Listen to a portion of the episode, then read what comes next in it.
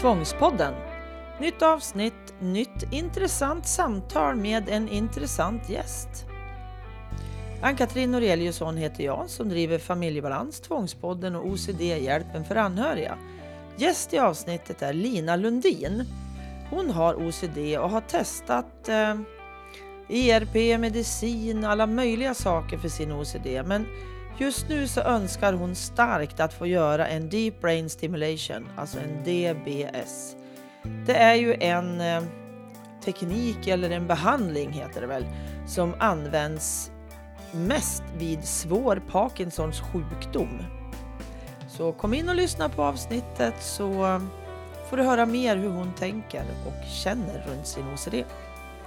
Och hon vill ju naturligtvis hoppas på att det här ska fungera för hon vill känna glädje och framtid igen. Tvångspodden görs i samarbete med Comicap.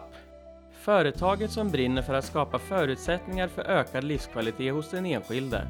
Hos dem hittar du hjälpmedel som ger en meningsfull morgondag. Varmt välkommen att besöka Comicaps hemsida och följ dem i sociala medier. Välkommen till Tvångspodden!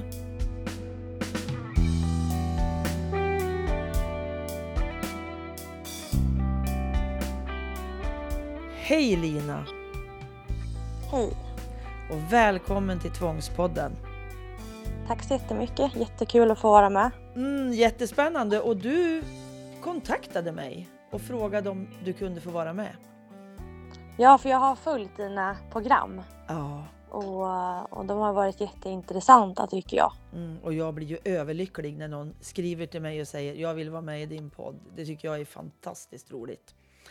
Så att eh, vi ska prata om dig och ditt, din problematik och vad man kan göra med den och så vidare. Men först så vill jag att du berättar lite kort om vem du är, Lina. Mm.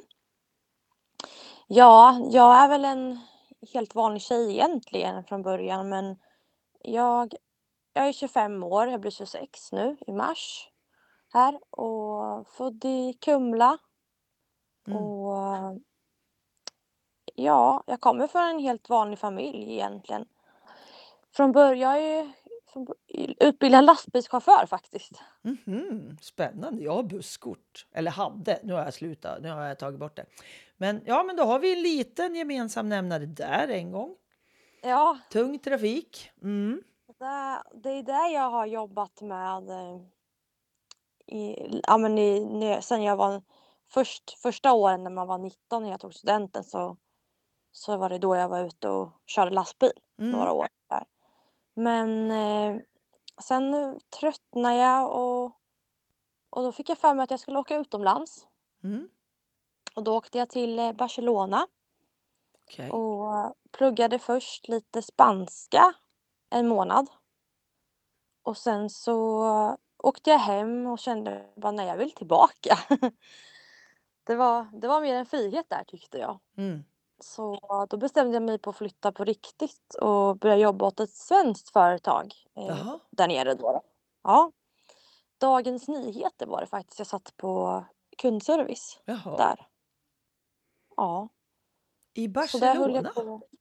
Ja, de har Okej. flyttat dit faktiskt också. Jaha. Hela kundservicen. Ringer du till Dagens Nyheter så kommer du dit. Wow, det hade jag ingen aning om. Intressant. Okej. Det är billigare att ha det där också. Ja, jag för förstår de behöver det. bara betala ut halva lönerna. Mm. Precis, jag förstår det. Det är ju så det är. Ja, Okej. så där, så där gjorde jag. Men hur länge sedan är det du bodde där nere? Det är 2018. Mm. Så jag flyttade hem då 2000, ja, 2019 där, i februari Mm. flyttade jag tillbaka. Precis. Men Så eh, det, några år sedan. mm, varför vill du vara med i Tvångspodden? Jo, för att eh, jag lider jättemycket utav det här. Jag, det har jag gjort tidigare i, eh, jag har lidit i tysthet kan man säga. Mm. Av OCD? Ja, det har gått i olika faser också i livet liksom att man är, man är ju rädd för massa olika saker. Sen kan vissa grejer liksom, när man, när man går i terapi så får man ju lära sig att hantera problematiken man har. Men, men sen rätt vad det är, när det går över, då kommer någonting annat man är Mm. rädd för. Det är som att det gömmer sig i huvudet. Att det, liksom, det, det finns kvar i huvudet men att, men att det liksom, man kan lära sig hantera det men ändå finns där. Ja, Och det kan komma tillbaka på en gång. okej. Det är svårt att Så- hantera, tänker du? Eller menar Jag, du? tycker, jag, har jätte, Mm. jag har jättemycket problem med, med eh, som, jag, som jag har nu till exempel. Det är att jag har mycket problem hemma. För jag bor själv gör jag ju. Ja, ja. Och eh, man kan säga att sen jag flyttade hemifrån ensam, det är då det har blivit så här mycket sämre också faktiskt. Okej. Vad kan det vara då, då? När du är hemma? Eh, Jag måste ha jätteordning. Och det går nästan inte, när det var som sämst så här, eh, så kan det nästan vara nu med, men att när, man, när jag spolar kranen till exempel så kan jag lite stå och fundera på liksom och tittar att det inte är smutsigt någonstans. Jag vågar ibland inte ens, det blir till slut som man inte vågar ta tvål för att man är så rädd att spilla. Okej. Och sen kan man liksom få för sig saker att det liksom är trasigt någonstans. Kanske inte kranen funkar som den ska. De här tankarna bara bombar en hela Mm. tiden. Och så ska jag stå där och kontrollera då Mm, i fem minuter eller vad det nu tar mm, innan man går därifrån. mm. Och eh, sen är det jobbigt st- men jag, jag tycker det är jobbigt med städningen. För att jag ska alltid, jag ska ha så här kliniskt rent när jag gör det. Mm. Mm. Det är nog ganska många som har det så som har OCD. Ja. På något vis antingen eller. Det blev ju som... Det, blev, det har blivit så mycket då så att man nästan inte vågar röra sig istället. Nej. Men Man hur har du inte kunnat ta. jobba? Eh, det här var ju tidigare när jag bodde hemma. Ja. Eh, hos, när jag bodde hemma hos mamma och pappa så behövde jag inte alls bry mig om sånt där. Nej. Då var det ju inte någon som... Mamma tog ju hand om. Det var ju matlagning som hon gjorde och tvätt och men allt. Mm. Jag, jag fokuserade bara på att gå till skolan. Precis. Men det hade inte utvecklats i huvudet på något sätt. På samma sätt som det faktiskt har gjort nu. Det har blivit värre alltså sen du flyttade hemifrån och flyttade själv. Ja. Då är, ligger all kontroll på dig på något sätt. Ja. Men jag, jag klarar av det på något sätt bättre utomlands. Då bodde jag i kollektiv också. Ja. Det var distraktion runt omkring hela tiden. Mm. Så det, det, gick, det gick liksom bättre. Men det var som att det gömde sig där. Jag visste direkt när jag flyttade hem att jag skulle bli sjuk igen. Okej. Sådär. Och det blev jag också. Mm. Men nu jobbar du också. Ja, man sitter på spänning hela tiden. Ja, Man, man spelar en annan person. det blir så. Ja. Du, du liksom kan inte vara riktigt dig själv. Hur många vet egentligen om att du har OCD? Det är ju förrän nu jag har berättat för, eh, ja men det är väl de närmsta.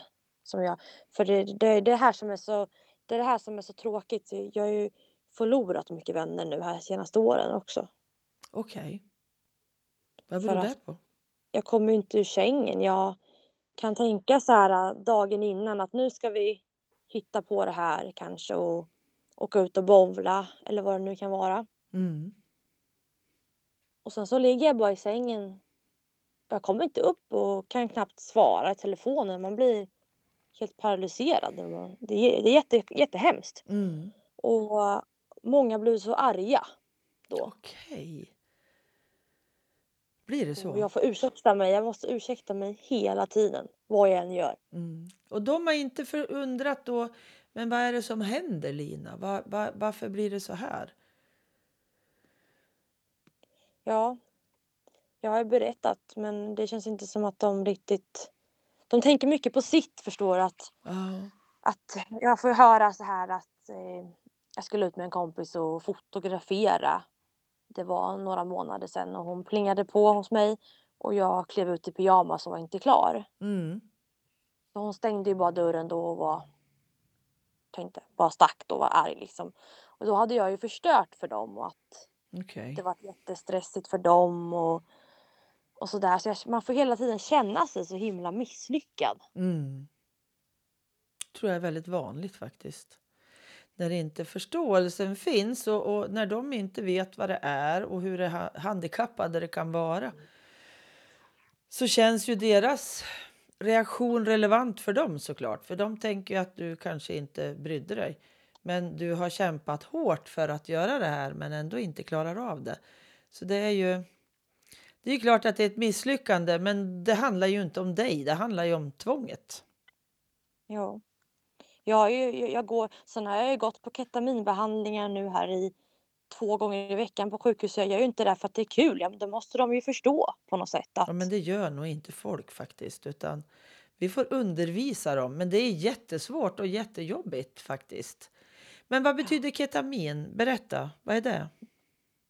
ketamin det är ju en eh, drog faktiskt. Jaha, Är det. Som de då blandar ut med eh, eh, koksalt tror jag det var. Det är en jaha. låg, låg, låg dos då. Som man, Ja. Och så får du det då i, i en infart då. då. Du får det direkt i blodet alltså? Ja, Okej. och det är fyr- 40 minuter tar det. Okej. Och då känner du ju helt, efter fem minuter då blir du ju jättevimsig som du är jättefull Jaha. på en gång. Och jag kommer ihåg det här faktiskt från Barcelona att det var vissa som eh, använde det som droger. Okej. Så faktiskt, det fanns, jag visste vad ketamin var men vad det är egentligen är det, det är faktiskt ett narkosmedel är det. Mhm. Vissa kallar det också, jag fick höra att det, het, att det var som bedövningsmedel också. Mm. Så tar du för mycket så blir du helt bedövad så att du inte kan röra dig. Nej, men precis. Men du går på sjukhus och får det här så att det är väldigt kontrollerat. Ja, precis. Och det tog ju det, tog, det tar ju så lång tid för att bara få göra såna här grejer också. Du måste ju prova allt. Mm, mm. Men du sa att du vart som, som eh, vad heter det, påverkad, som du var full. Men är hur jätte- länge sitter det jättefull. i då? Ja, det var lite underligt faktiskt. Första gången när jag fick det, då var ju inte kroppen van med det förstås. Så då satt det ju i faktiskt i flera timmar efteråt. Det var lite pinsamt att gå på affärer och sådär. Ja, det måste förstår ju jag. undrat vad hon gjort på en vardag. Ja, men typ. Eh, så då, men sen så när man gjorde det några gånger så det kunde klinga av bara efter en timme så var du helt nykter igen. Mm. Kändes det så. Men vad gör det med dig? Vad händer med dig när du, när du har fått det här ketaminet? Och det har gått Ja, någon det- timme och det där har klingat av så du känner dig alldeles vanlig igen då. Eller nykter eller vad jag ska säga. Men Ja. vad, vad gör det för din OCD? Vad händer där med den? Det här provade vi ju om det skulle fungera. Mm. Eh, men det, det, jag har slutat nu. Det, jag gjorde min sista förra veckan. Okej. Gjorde jag. Och eh, det hjälper tyvärr inte mot min OCD. Men normalt så ska du göra det. Det här är alltså en behandling som man testar på Det personer testas som har för svår... många. Nej, det testar ju för många olika. Aha. Du kan ju vara... Jag tror, om jag ska vara ärlig, tror att det hjälper de som mest kanske har bara har depressionen. Okej. Jag kunde känna att jag varit lite, det höjde mitt humör lite grann kanske man kan säga. Okej. Men eh, tvångstankarna, det ingenting. försvann. Okej. Och det gick ur kroppen. Så jag känner inte så jättemycket skillnad nu egentligen faktiskt när jag inte fått det på en vecka. Okej. Det, det, det är liksom olika. Det är, det, det vad sa de? Det är 50% chans att det kan funka. Jag läser här nu på sbu.se att det är ett narkosmedel som används sedan 1970-talet och för 15 år sedan så upptäckte man att det även verkade antidepressivt. Så precis som du säger det med depression. De doser som används vid svår depression är betydligt lägre än de som används vid narkos och liknar mera sådana doser som brukas för att bryta svåra smärttillstånd, står det. Mm. Det handlar om svår- smärta också, precis. Om man Ja. har smärta så. Precis. Intressant. Det hade jag är inte hört talas om. verkar ju svårbehandlat. Mm. Mm. Ja, och du har ju en svår OCD förstår jag ju. Ja. eftersom de inte kommer åt den med behandling på andra sätt och provar typ en ketaminbehandling. Men sen har du ju också fått, har du fått förslag på en sån här DBS, alltså Deep Brain Stimulation, eller är det, är det du som har kommit på det eller är det de som har föreslagit det på din mottagning eller hur, hur har du kommit i kontakt med det? Jag, jag har haft så många nätter där jag har varit så ledsen så jag har suttit och läst så mycket själv att jag, jag måste nog hjälpa mig själv har jag Ja. tänkt. Så jag har suttit och sökt på bota tvångssyndrom, läst jättemycket Mm. artiklar och grejer och då dök det där upp. Bryt ond cirkel vid tvångssyndrom. Okej, berätta lite vad det är. Vad är B, DBS?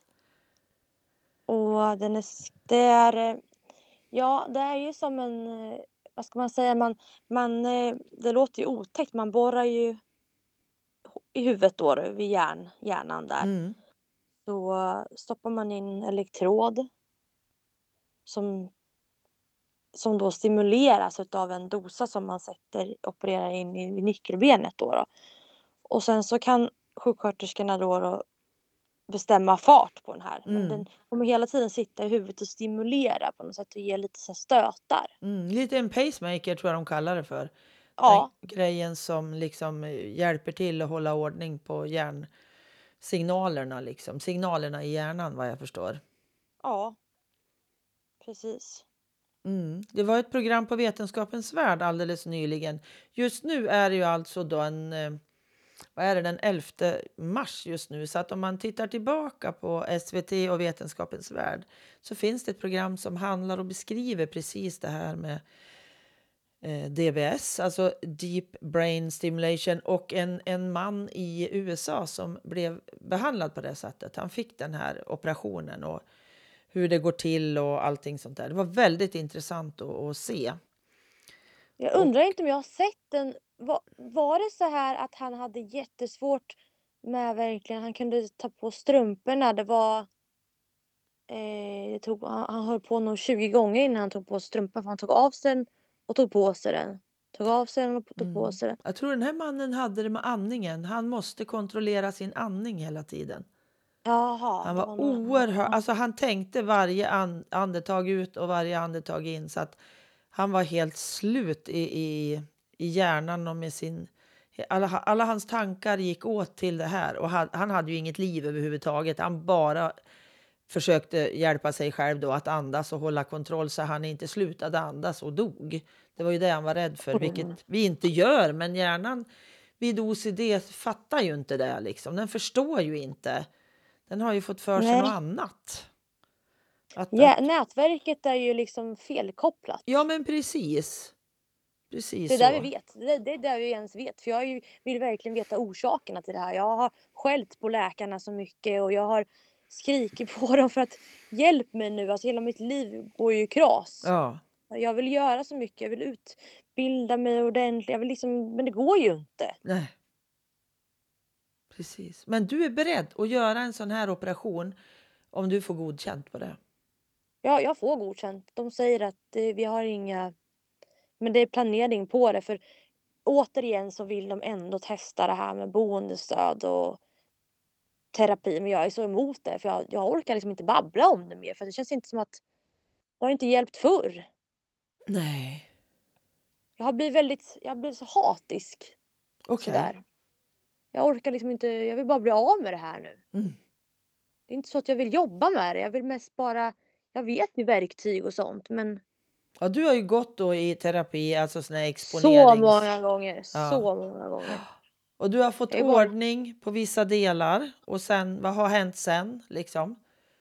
Men jag har ju, tittar man ju tillbaka då har man inte klarat av det på samma sätt. Jag har ju som sagt inte klarat av fasta jobb.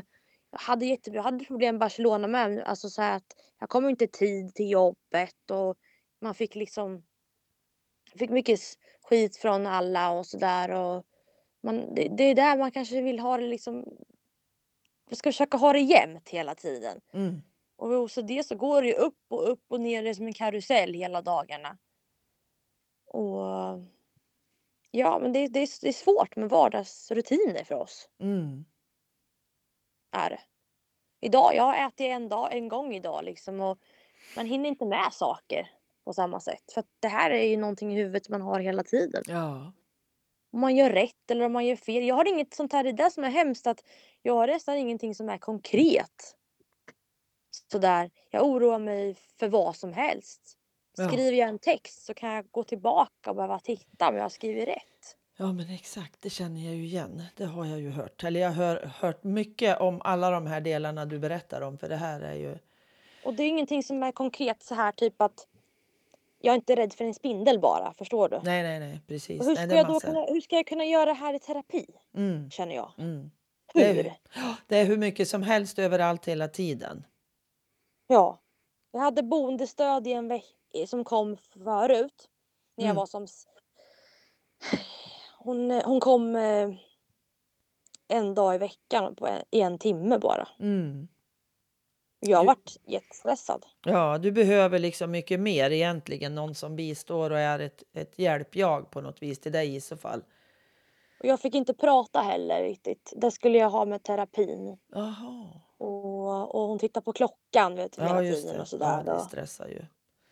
Så jag släppte inte in henne till slut. Nej. Nej, och sen är det Så. viktigt med kemin, tänker jag. Det måste ju vara någon jag, jag liksom känner för och litar på. Jag, jag ska ju släppa in människan i mitt hem, Mm. vilket gör också att det måste vara någon jag litar på till 100 procent och att det känns bra. Ja, precis. Och, och när det blir så här svårt så känns det ju så hopplöst, förstår jag ju. Ja, man har, man har ju haft självmordstankar och sånt men att OCD, och oss, för, oss för oss som, som har OCD, jag tror att OCD räddar oss ändå på något sätt för att vi skulle vi försöka typ skära oss eller någonting då skulle jag tänka oj jag har förstört min kropp. Mm. Så vi, vi är inte såna liksom. Det är det som är... Ja, jag är jätteutåt och spelar jätteglad och jättesocial och... Men när jag är hemma själv, det. Då kommer allt tillbaka. Då kommer ju allt. Ja. Du har ju hållit ihop liksom. Och... Jag vet inte hur... Jag, jag vet inte hur... Folk frågar ju mig hur det är. Hur är det när du mår liksom bra? Jag bara, hur mår... Det vet jag inte hur det känns. Nej. Och det är jag ärlig att säga Mm. också. Har du fått prova några andra mediciner? Oj, ja, oj, oj, oj, vilken hög det har varit. Okej. Det har varit jätte, jättemånga. Jag har, ju provat, jag har ju provat allt. Du måste ju prova allt innan du får komma till Ja. den här hjärnstimuleringen som det heter då på sjukhuset. Det är de som gör, ger dig ketamin och sådana saker. Ja. Men innan dess så var det ju från 11 års ålder. Jag går, då börjar man med Cetralin Ja. och den ges ju till alla. Många får Cetralin. Ja. Depressioner och Det är en ganska vanlig medicin idag. Precis. Ja. Och sen provade vi ju massa andra men det, det vart nästan bara sämre. Okej. Ingenting som, man vart svullen i kroppen också, man gick upp i vikt och det var mycket sådana kroppsliga problem också. Torr i munnen, förstoppning och så jag har tillbaka Cetralin nu men en väldigt hög dos. Okej. Så jag har 300 milligram. Och det var rejält. Ja, Och det, Så jag- men alltså hjälper den någonting? jag har fått andra fysiska problem och jag vet inte om det är just den som gör det för jag har ju anemi nu, jag har blodbristen och det gör det ännu värre. Då Jaha. orkar jag ju inte. Och sen eh, blöder jag i magen också har jag fått reda på. Så det är mycket som Mm. verkar som att men det känns som att allt har ett samband på något sätt. Jo, men säkert är det ju så, tänker jag, att det, det, det blir ju ett samband av alla sakerna. Och till slut så vet man ju inte riktigt vad som är vad heller. Men, men Ja. om du skulle få prova den här deep brain stimulation, Ja. tror att går kan du ta bort medicinerna då? Då kan det hjälpa så bra så att du Mm. slipper alla de här kemikalierna som medicinerna ger. Ja, men det, jag, jag, jag, om jag förstår rätt så tror jag faktiskt att man att det ska funka då, men kan, man kanske har en låg, låg, låg, låg, låg dos. Mm. Och det är lättare för folk som har gjort det här att gå i terapi sen. För att Ja, de kan ta det. emot hjälpen. Ja, ja. För så är det ju också De med gick, medicin. de gick liksom på ett års tid från att ha ett svårt till att liksom ha ett måttligt tvångssyndrom bara. Kanske vara, det vet att folk tittar en extra gång om de har låst dörren Ja, eller någonting precis. sånt. Ja, då är det, Det kan man ju tvång. leva med. Ja, men absolut, absolut. Men jag tänker på hur, hur, hur ser informationen ut till dig nu när de pratar om det på sjukhuset, att du skulle få det här?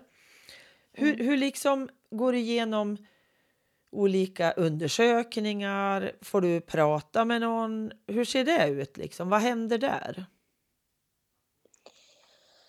Eh, De har ju inte, de har de håller ju på att planera bara lite om, alltså jag, jag får DBS, alltså det, det, de är inte emot det. Om du, men det är inte, det är inte planerat riktigt sina datum och sånt än utan de vill ju nu ändå att jag ska prova boendestöd och Ja. psykoterapi Ja. vill de. Jo, men det är väl så. Det Man måste ju utesluta känns, allt ja, annat. det känns lite... För jag är, lite, jag är livrädd. Tänk om det skulle hjälpa mig lite grann. Då kanske jag inte får chansen till att göra DBS. För då tror man att det är bra. Om man visar sig, om man visar sig lite, lite du vet, så här, gladare eller någonting. Då tror man att det är bra. Mm. Så man är livrädd till att bli lämnad sådär. Mm. Men tror du... Alltså jag tänker så här, för att bli avfärdad så måste man ju då ha blivit väldigt mycket bättre.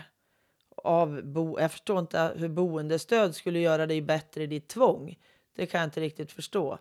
Det är ju möjligtvis medicin, terapi, alltså sådana riktiga behandlingar som skulle göra dig bättre och då vore det ju bra.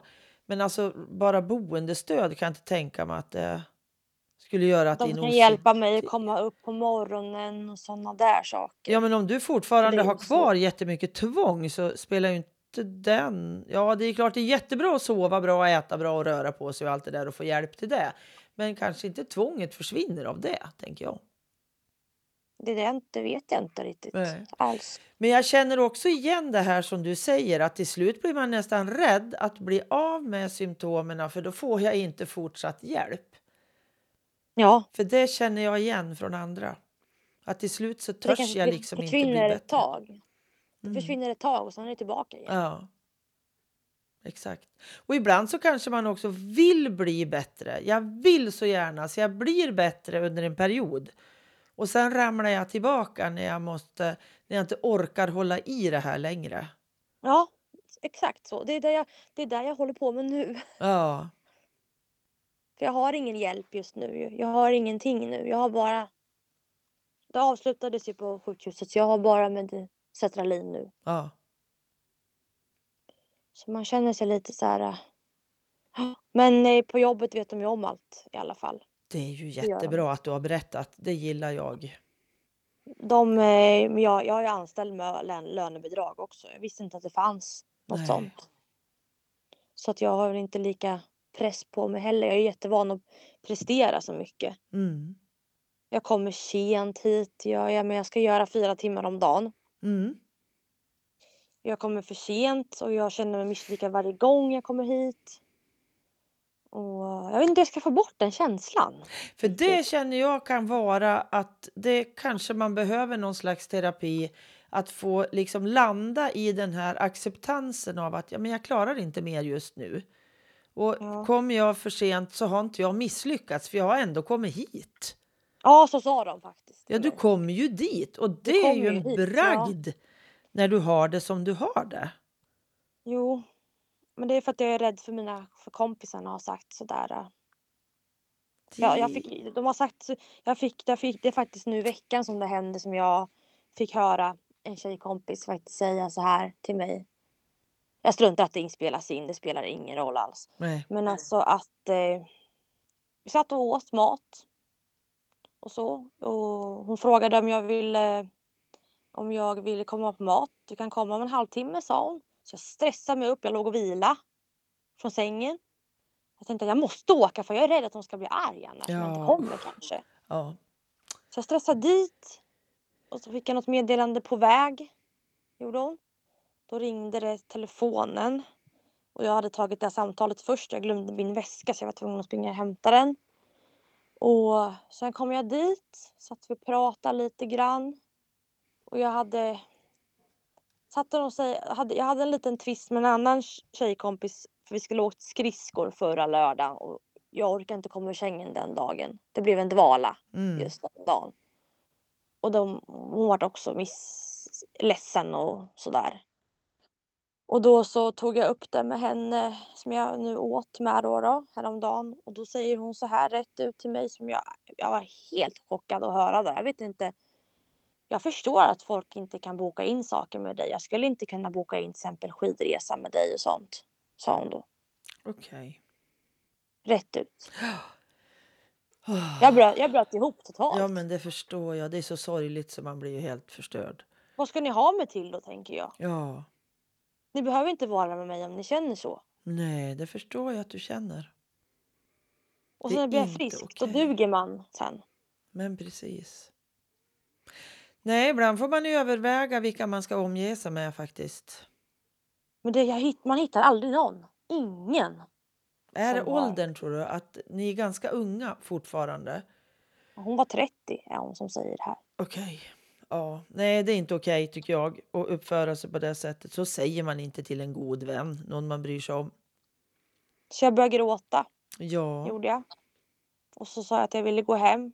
ja, Och då fick hon utbrott och sa dra, och gå härifrån. hon. Ta på dig kläderna och gå. Kom aldrig mer hit igen sa hon faktiskt. Det är min bästa vän. Åh herregud. Oj, oj, oj. Det vände bara. Mm, Så jag åkte runt och körde bil och bara grät. det förstår jag. Och det är livsfarligt. Man ska verkligen vara jättenoga vad man säger till folk som mår. Alla egentligen ska man väl vara försiktiga till. Ja. För du vet aldrig vad den andra är kapabel till att göra heller. Någon kanske blir helt förstörd och tar livet av sig för att folk säger så mycket nedtryckande grejer med. Mm. Ja, vi ska vara försiktiga och rädda om varann. Helt klart. Ja. Helt klart. Och vi vet aldrig vad den andra har med sig och hur, må, hur den mår.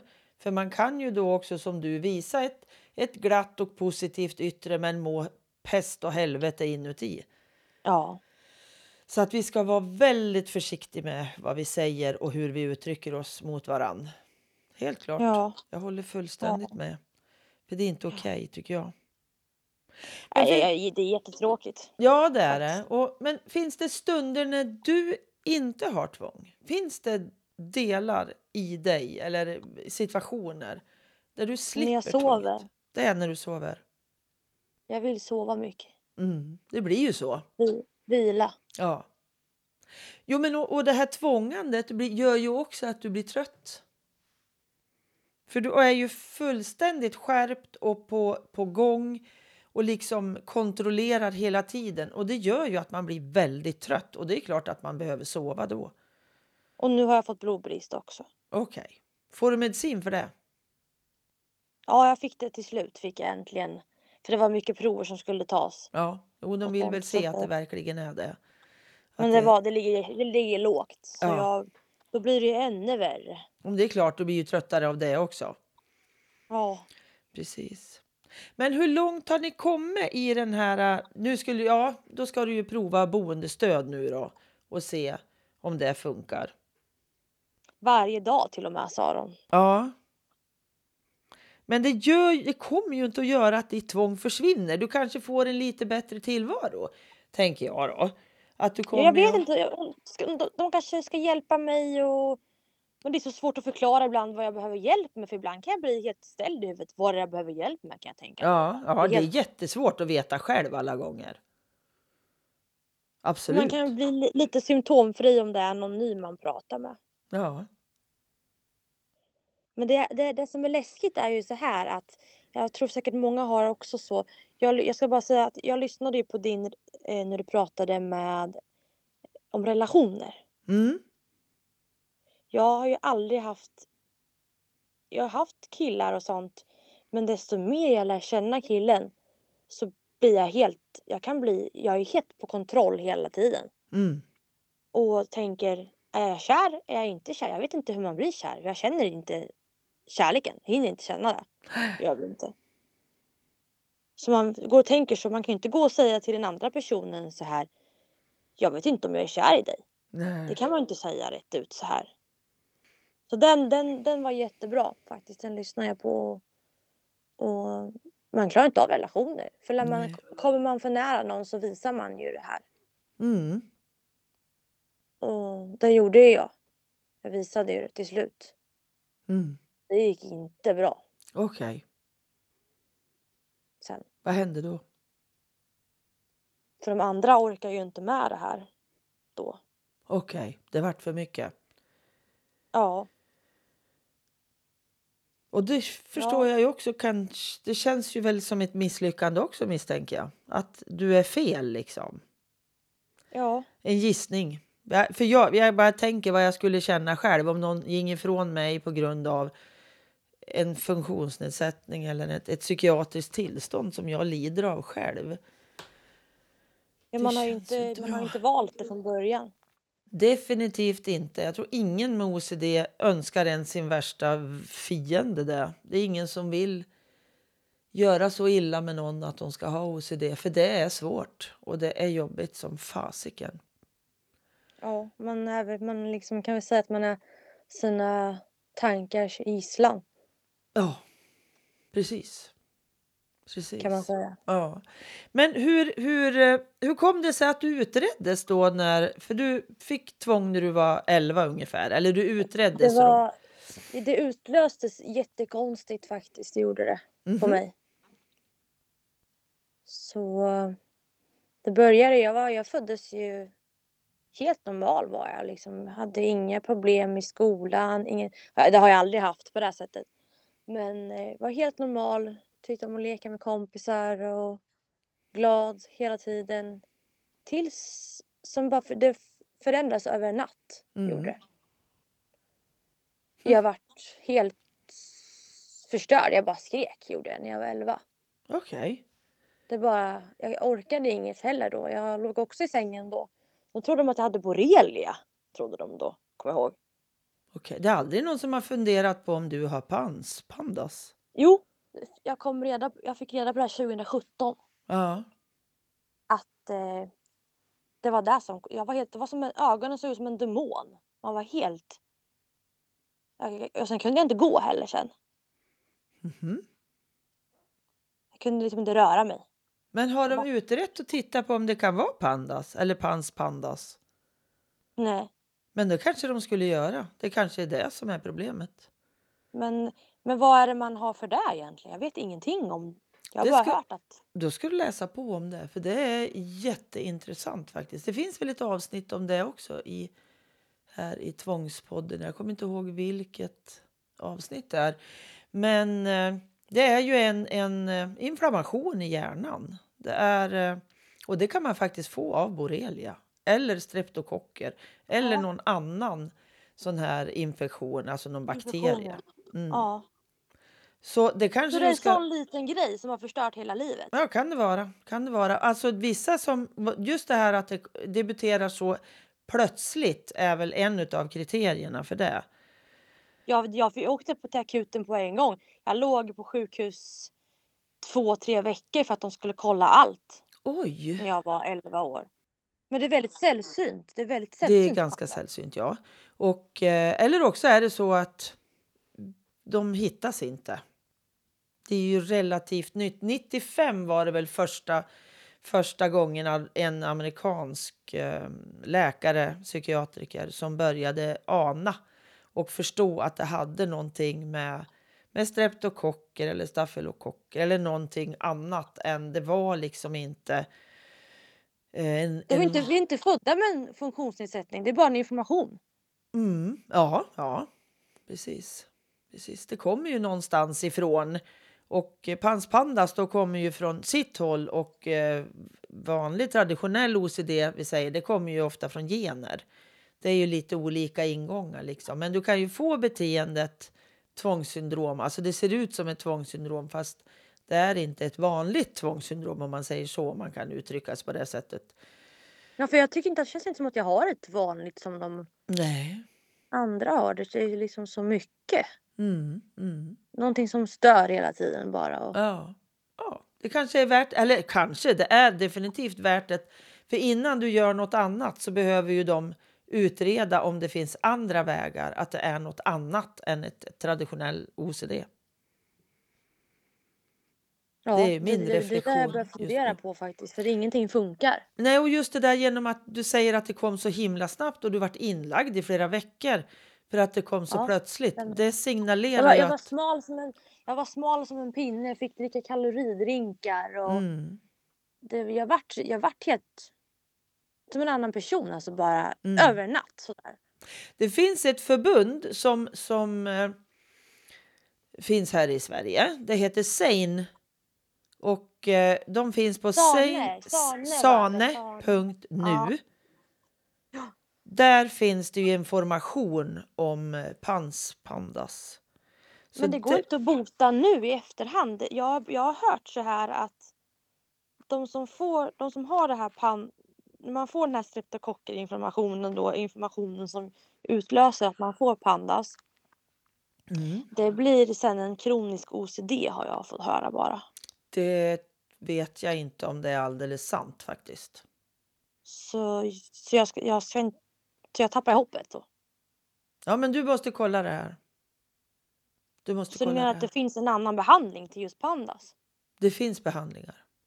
Till pandas? Jajamän. Men jag har inte, det, har, det sa de inget om, de bara släppte det. Men kanske för att de inte visste riktigt. För att det är inte allmänt utbrett. Kunskapen om panspandas är extremt låg. Det var ett inslag i Malou nu i veckan. Om det var i ja, måndags, tisdags. Om pans. Om hur en, en mamma som berättar om hennes son. Mm. Och, eh, så det finns hjälp. Det gör det. Men jag tänker ändå att eh, vi ska avrunda. Ja, Och eh, då vill jag säga tack Lina för ikväll. Och, Mm. ja tack eh, själv. Vi hörs. Det gör vi. Ja, ja. Ha en bra helg. Du med. Tack. Hej då. Hej.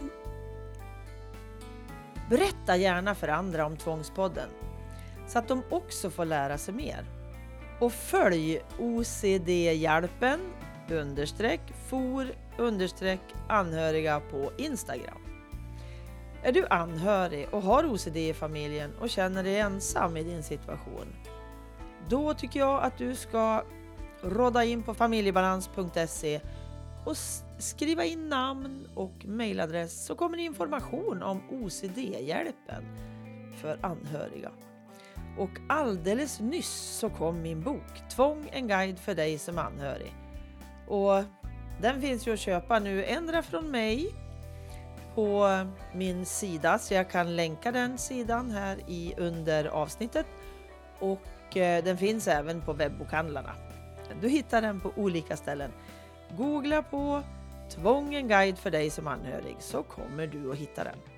Tack Anders för redigeringen, Petra Berggren för fotograferingen, Pelle Zetterberg för musiken och tusen tack Komikapp för att ni vill samverka med mig. Hej då! Hoppas vi hörs igen!